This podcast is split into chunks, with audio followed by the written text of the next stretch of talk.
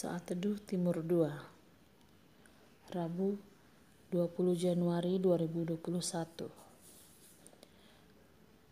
Judulnya adalah Perkara Supranatural adalah hidup dalam roh kudus. Diambil dari Matius 19 ayat 26 Yesus memandang mereka dan berkata Bagi manusia hal ini tidak mungkin tetapi bagi Allah segala sesuatu mungkin Tujuan yang jauh lebih besar dari usaha kita yang dikerjakan oleh karya Roh Kudus. Bagaimana terjadinya hal itu? Kita tidak pernah dapat membayangkannya. Kesulitan atau tantangan apa pun yang sedang kita hadapi, janganlah takut. Mengucap syukurlah senantiasa. Tetap berani berharap pada Tuhan Yesus. Tangkap dan terimalah dengan iman setiap janji Tuhan dalam hidup kita. Lakukan bagian kita, dan Tuhan akan melakukan bagiannya.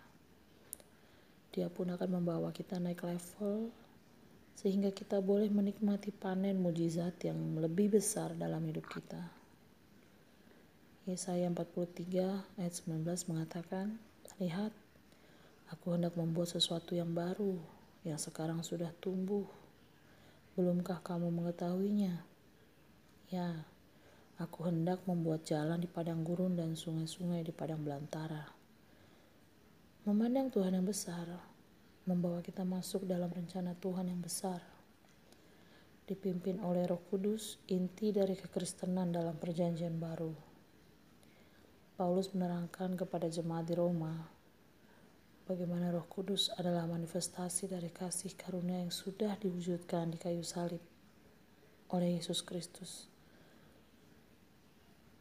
dan pengharapan tidak mengecewakan. Karena kasih Allah telah dicurahkan di dalam hati kita oleh Roh Kudus yang telah dikaruniakan kepada kita. Dikatakan dalam Roma 5 ayat 10. Roh Kudus bukanlah Tuhan dalam hal supranatural, profetik, ataupun mujizat-mujizat saja. Peran Roh Kudus dalam kehidupan orang percaya adalah memimpin kita kepada Kristus yang perwujudan sempurna dari kasih karunia dan kebenaran. Yohanes 1 ayat 14. Karena kepenuhannya, kita semua telah menerima kasih karunia demi kasih karunia. Sebab hukum Taurat diberikan oleh Musa, tetapi kasih karunia dan kebenaran datang oleh Yesus Kristus. Amin. Tuhan Yesus memberkati.